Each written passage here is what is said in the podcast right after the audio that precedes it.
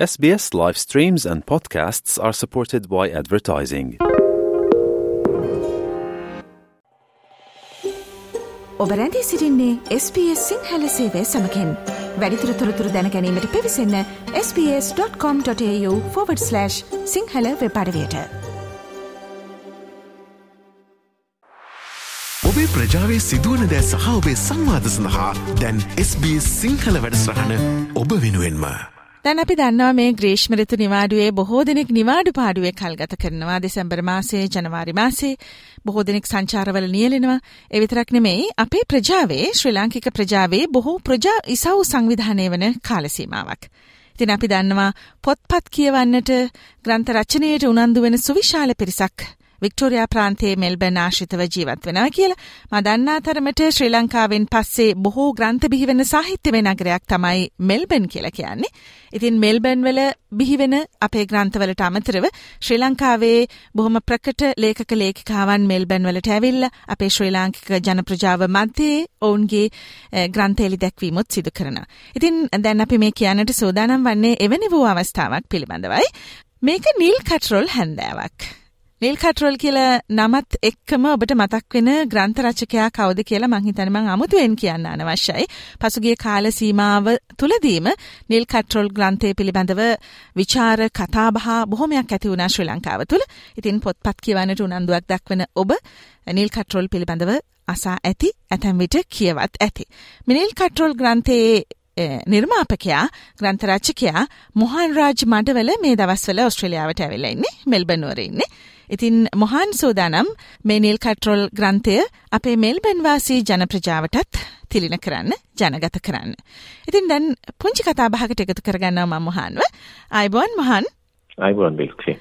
ඇත්තටම මේ දැන් ඇයි නිල් කටරොල් අරගෙන මෙල්බන් ආවේ? මෙල්බන් වලදී ජනගත කිරීමක් සිදු කරන්න හිතුවේ ඇයි?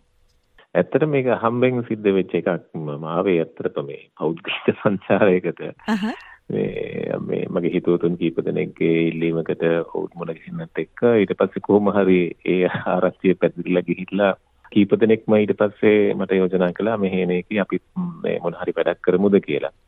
මෙල්බර්න් වලින් සෑහෙන ප්‍රතිචාර තියෙනවා. මගේ ওই නිර්මාණවලට මේ ගොඩක් කට්ටිය මට මෙල්බර්න් ඉඳන්ම කතා කරන කට්ටිය ඉන්නවා මේ ලංකාවට පොත් කියවලා මොකද ලොකු මේ සිංහල ප්‍රජාවක් මේ ජීවත් වෙන නිසා.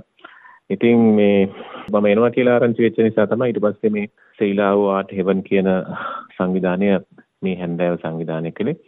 මේක ඇත්තටම මේ ප්ලෑන් කරපු වැඩක් නෙමෙයි. අහම්බෙන් සිද්ධ වෙච්ච වැඩක්. ඇතම් වෙලාවට මොහොන අපි දන්නවනේ මේ සැලස්මක් රහිතව බොහොම හම්බෙන් සිදුවන දේවල් ඇත්තටම සාර්ථකයි සුන්දරයි. අපි හිතනවා මේ නිල් කටරොල් සන්ධ්‍යාවත් එවැනි වූ සුන්දර සන්ධ්‍යාවක් වේවි කියලා. දැන් මොහොන අපි දන්න ඔබ මේ ඔබගේ මේ හත්වෙනි නවකතාව. මාගම් සෝලිය, ලොවීනා, ආදරණීය වික්ටෝරියා, රැජින, කලම්බෝ, අයිඩි මේ කෘති වලින් පස්සේ ඔබේ අවසාන වතාවට රචනා වුණු නවකතාව තමයි නිල් කටරොල්. මේ පුංචි ඉඟියක් දෙමුද අපි කුතුහලයක් බිඳගන්නේ නැතුව නිල් කටරෝල් තුලින් ඔබ ඇත්තටම පාඨකයාට දෙන්න උත්සාහ කළේ මොකක්ද කියලා. ඇත්තට මේක මේ මේ දැන් මගේ ගොඩක් පොත් ඔය කියපු නම් වශයෙන් කියපු ගොඩක් පොත් ඉතිහාසයත් එක්ක සම්බන්ධයි. ඉතිහාසයේ අපි හඳුනගෙන මේ තාක් සිටි ඉතිහාසය ඉතිහාසයෙන්ම නෙමෙයි කියන එක සමහර තැන්වලදී මම ඔප්පු කරලා පෙන්වන්න උත්සාහ කරා. මොකද ඉතිහාසය කියන්නේ ප්‍රබන්ධයක්නේ. ඒ කියන්නේ අපි කවුරු හරි කියපු දෙයක් නැත්නම් කටින් කතාපු දෙයක්. එහෙමත් නැත්නම් පොතපතක මෙහෙම ලියුණායයි කියලා හිතන එකක්, හිතන දෙයක් අපි ඉතිහාසයයි කියලා හිතා ගන්නවා.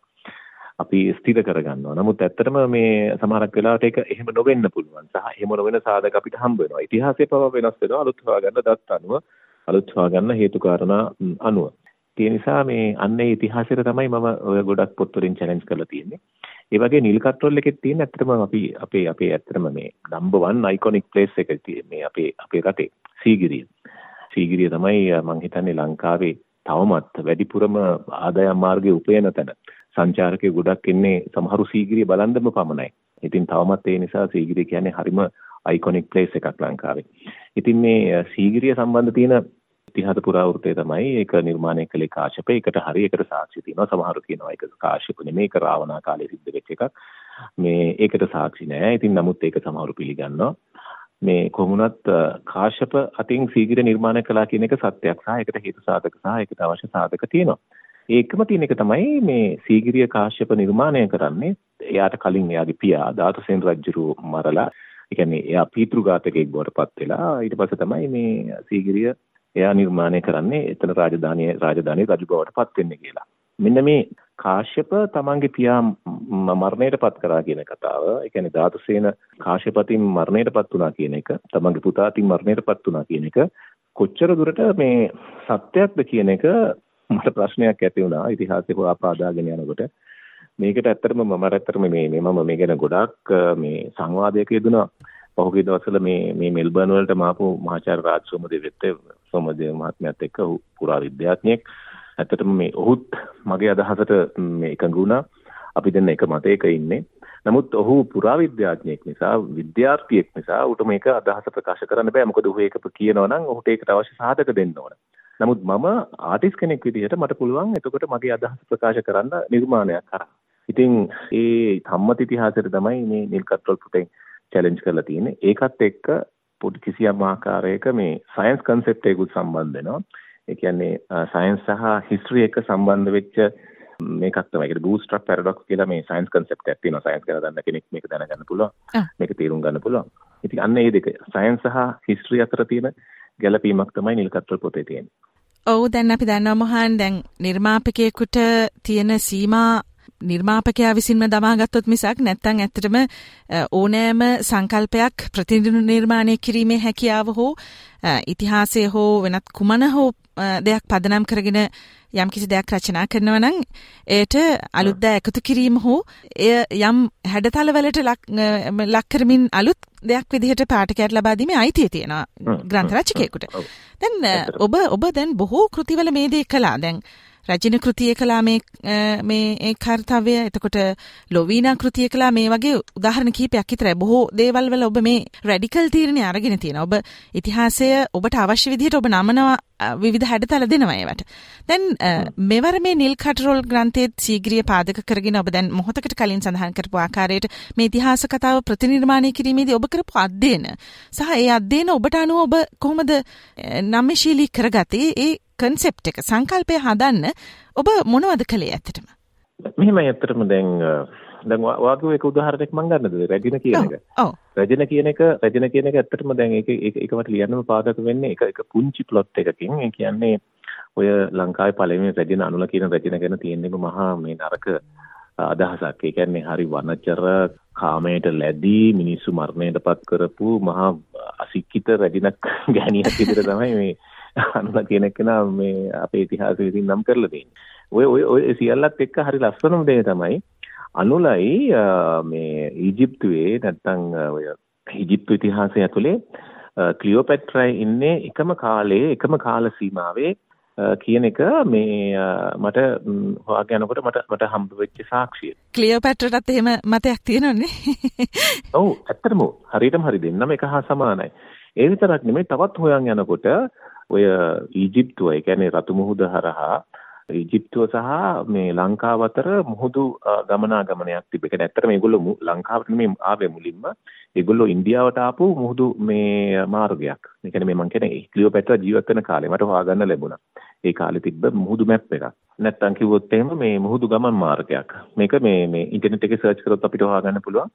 පෙරිප්ලස් ඔෆ් එරිත්‍රියන් සී කියලා. මොකද එරිත්‍රියන් සී කියලා කියන්නේ එරිත්‍රියානු මුහුද කියලා කියන්නේ ඒ කාලේ ඔය අරාබි මුහුද සහ මේ හින්දියන් සාගරයට කියපු ඉස්සර නම තමයි එරිත්‍රියන් මුහුද කියන එක.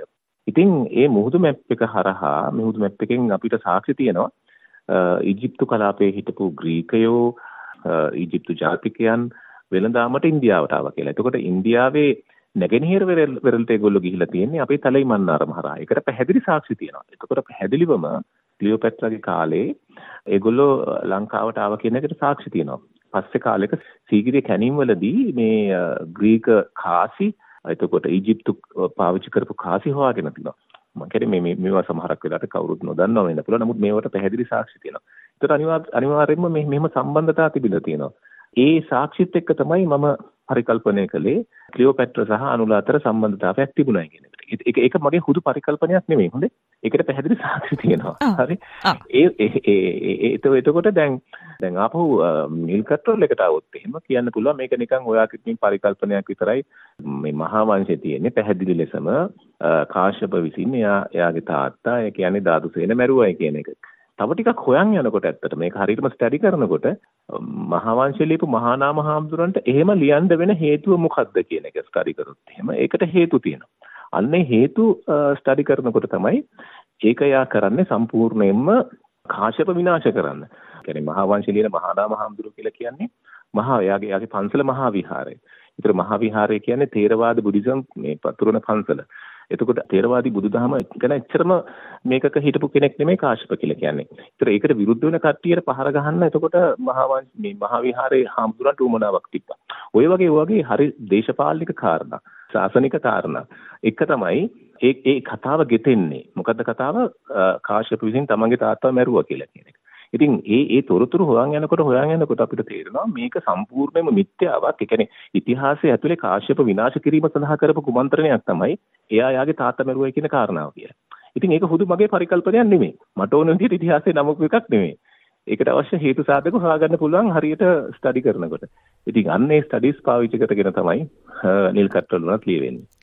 හොඳ එහෙමනම් මේ නෙල් කට්‍රෝල් ග්‍රන්ථය ජනගත කරන නැත්තම් ජනතාවට මේ ග්‍රන්ථය පරිශීලනය කරන්නට මොහාන් එක්ක ටිකක් කතා බහ කරන්න මේ ග්‍රන්ථය පිළිබඳව රසවින්දනාත්මක දෙසුම් වලට සවන් දෙන්නට පුළුවන් වන අපූර්වතම සන්ධ්‍යාවක් බවට පත්වේවි මේ නිල් කට්‍රෝල් හැන්දෑව එනිසා මොහන් අපි සඳහන් කිරීමක් කරමුද මේ නිල් කට්‍රෝල් සන්ධ්‍යාව සඳහා කටයුතු සූදානම් වෙලා තියෙන්නේ කොහොමද කියලා. ඔව් දිල් මේ සීලාව ආට්‍යවන් කියන සංවිධානය තමයි මේක සංවිධානය කරන්නේ මේ මෙල්බර්න් වල ස්ථාපිත වෙච්ච මේ පහුගිය දවස්වල ජගත් මනුවර්ණ මරුණවර්ගනේ රහස් කියන කඳු සිනමා උළෙලවල් කීපෙම මේ ඕස්ට්‍රේලියාව පුරාම සංවිධානය කරේ මෙම සංවිධානය විසින් ඊට පස්සේ ඔවුන් කරන දෙවෙනි වැඩේ තමයි මේක. මේ මගේ මේ මේලිල් කට්‍රෝල් හැන්දෑව කියන සාහිත්‍යමය කතිකාව නැත්තම් ආටිස්ටික් හැන්දෑව. මේකට සම්බන්ධ වෙනවා ප්‍රවීණ රංග ශිල්පියෙක් සහ කලා ශිල්පයේ නොමැකෙන නාමයක් තියෙන බුද්ධදාස විතානාරච්චි මහත්මයා. ඊළඟට භූපති නලින් ඔහු ලංකාවේ ඉතාමත්ම ජනප්‍රිය විචාරකයෙක්. කොහොම දවස් මේ දවස්වල ඕස්ට්‍රේලියාවේ ඉන්නේ. ඔහු සම්බන්ධ වෙනවා භූපති. ඊළඟට ජගත් ජයදිරිසිංහ මහත්මයා ගැන මම හිතන්නේ අමුතුවෙන් කියන්න ඕනේ නැහැ. ඕස්ට්‍රේලියාවේ ප්‍රජාව සිංහල ප්‍රජාව හොඳටම දන්න කෙනෙක්. ඔහු සම්බන්ධ වෙනවා. මාලන් බණ්ඩාර කපුවත්ත කියන්නේ වර්තමාන පරම්පරාවේ ඉන්න හොඳ දක්ෂ කවියෙක් නිර්මාණ ශිල්පියෙක්. ඔහුත් මේකට සම්බන්ධ වෙනවා. ඊළඟට ඉරේෂා හේමමාලි. ගීත රචිකාවියක් සහ සාහිත්‍ය ගැන ආර්ට් ගැන හරි මේ ආදරින් විස කතා කරන මේ ගැහණිය ඈත් සම්බන්ධ වෙනවා මෙන්න මේ ගොල්ලන්ගේ සහභාගීත්වයෙන් Mount Street Neighbourhood House Glen Waverley වල තමයි මේක තියෙන්නේ හත්වෙනි ඉරිදා මේ එළබෙන ඉරිදා හවස 4ට Mount Street Neighbourhood House Glen Waverley වලදී හත්වෙනි ඉරිදා හවස 4ට තමයි මේ කට්‍රෝල් හැන්දෑව තියෙන්නේ. ඉතින් මගේ පොත් ආදරයෙන් වැළඳගත්ත මෙල්බර්න් වටා සිටින හැම දෙනාටම ඉතාමත්ම ආදරයෙන් ආරාධනා කරනවා. මේක හරි සුන්දර හැන්දෑවක් වෙයි මේක. මේ මේ මේ මම මේ සහභාගී වෙන කට්ටිය ගැන නම් වශයෙන් කිව්ව මේක නිකන් දේශන වශයෙන් තියෙන එකක් නෙමෙයි දීල් හැමෝටම තමන්ගේ අදහස් පළ කරන්න මගේ නිල් කට්‍රෝල් ගැන විතරක් නෙමෙයි. අනිත් අනිත් පොත් ගැන වුණත් තමන්ගේ අදහස් විචාරාත්මක අදහස්. මොකද මගේ පොත්වල මේට මේ හොඳ කියලා මිනිස්සු වගේම මට පට්ට විදියට බයින කට්ටියටත් තියෙනවා මම ඇත්තටම හොඳ කියලා මිනිස්සුන්ට වැඩි ආදරය කරන්නේ බයින කට්ටියට. මොකද මම පවතින්නේ ඔවුන්ගේ විචාරات නිසා. ඉතින් මම හරි ආසයි ඔහුගේ විවේචන අහන්න බනින විදිහ අහන් ඉන්න මම හරි ආසයි. ඉතින් ඒක නිසා ඒකට එන්න කියලා මම ආරාධනා කරනවා. අනිත් එක නිල්කත්වල පොත විතරක් තිබි මගේ අනිත් පොත හැම පොතක්ම මිලදී ගන්නත් පුළුවන්. ඉතින්ට ඒම බොහොම සහනදායි මිලකට. ඔබට ඕස්ට්‍රේලියාවේ ලබා ගන්නත් බැරි මිලකට. ඒ නිසා මගේ පොත් අරන් නැත්තම් ඒකත් ඇවිල්ලා එතනදී ගන්න පුළුවන්. මේ නිසා හැම දිනකටම ආරාධනා කරනවා මේ 7 වෙනිදා හවස 4ට Mount Street Neighbourhood House Glen Waverley වලට එන්න කියලා. මොහන් රාජ් මඩවල සමගින් නිල් කට්‍රෝල් හැන්දෑව විඳගන්න එහෙමනම් ඔබට අපි අවශ්‍ය තොරතුරු ලබා දුන්න. එහෙමනම් මොහන්ගේ පොත්පත් කියවපු පොත්පත් කියවනට ආසාවෙන් ඉන්න අයට මොහන්ව දැකලා කතා බහ කරන්න මේ අපූර්ව දේශනවලට කතා බහවලට රසවින්දනාත්මක විවේචනවලට සවන් දෙන්නට ඔබට හැකියාවක් ලැබේවි. මේ නිල් කට්‍රෝල් හැන්දෑවට සම්බන්ධ වුණොතින් මේ හත්වනිදා ජනවාරි මාසේ හත්වනිදා සවස හතරේ සිට හත දක්වා මේ පැවැත්වෙන්නේ ග්ලෙන්වෙවලි වල මවන්් ස්ට්‍රීට් නේබහුඩ් හවසිදි.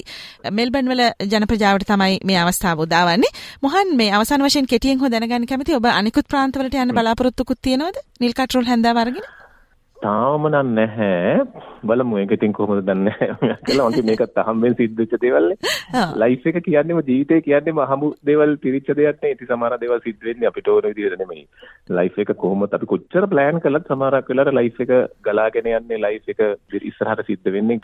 ලයිෆ් එකේම ප්ලෑන් එකක් විදිහට. ඒ කියන්නේ අපිට අපි අපේ ප්ලෑන් එකට අහු වෙන්නේ නැති වෙනම ප්ලෑන් එකකින්. ඒකනේ අර සමහරක් වෙලාවට අපි කියන්නේ සමහරක් වෙලාවට අපේ ලයිෆ් එක අපි නොදන්න කෙනෙක් ස්ක්‍රිප්ට් කරනවාද කියලා. ඇත්ත ඇත්ත ඇත්ත. ඒ නිසා අපි දන්නේ මොනවද වෙන්නේ කියලා. මම කොහොමත් වැඩි අනාගතය ගැන හිතන්නේ නැති මිනිස්සෙක්. හොඳයි. එහෙමනම් අපි විශ්වාස කරනවා කෙසේ හෝ අනිකුත් ප්‍රාන්තවල ඉන්න අයටත් යම් හෝ අවස්ථාවක් උදා වේවි කියලා අහම්බෙන්න හෝ සුබදායක බලාපොරොත්තු ඇති කරගනිමු. මොහන් එහෙමනම් බොහොම ස්තුතියි SBS සිංහල සේවයට මේ තොරතුරු අනාවරණය කරන්න සම්බන්ධ වුණාට නිල් කටරෝල් හැන්දෑව සර්ව ප්‍රකාරයෙන් සාර්ථක වෙන්න කියලා අපි ප්‍රාර්ථනා කරනවා. අනේ thank you දිල්රුක්ෂි. ඔයාටත් බොහොම ස්තුතියි. ඔබේ ප්‍රජාවේ සිදුවන දෑ සහ ඔබේ සංවාද සඳහා දැන් SBS සිංහල වැඩසටහන ඔබ වෙනුවෙන්ම. ලයි කරන්න ෂයා කරන්න අදහස් ප්‍රකාශ කරන්න SBS සිංහල ෆස්බුක් පිටුව ෆලෝ කරන්න.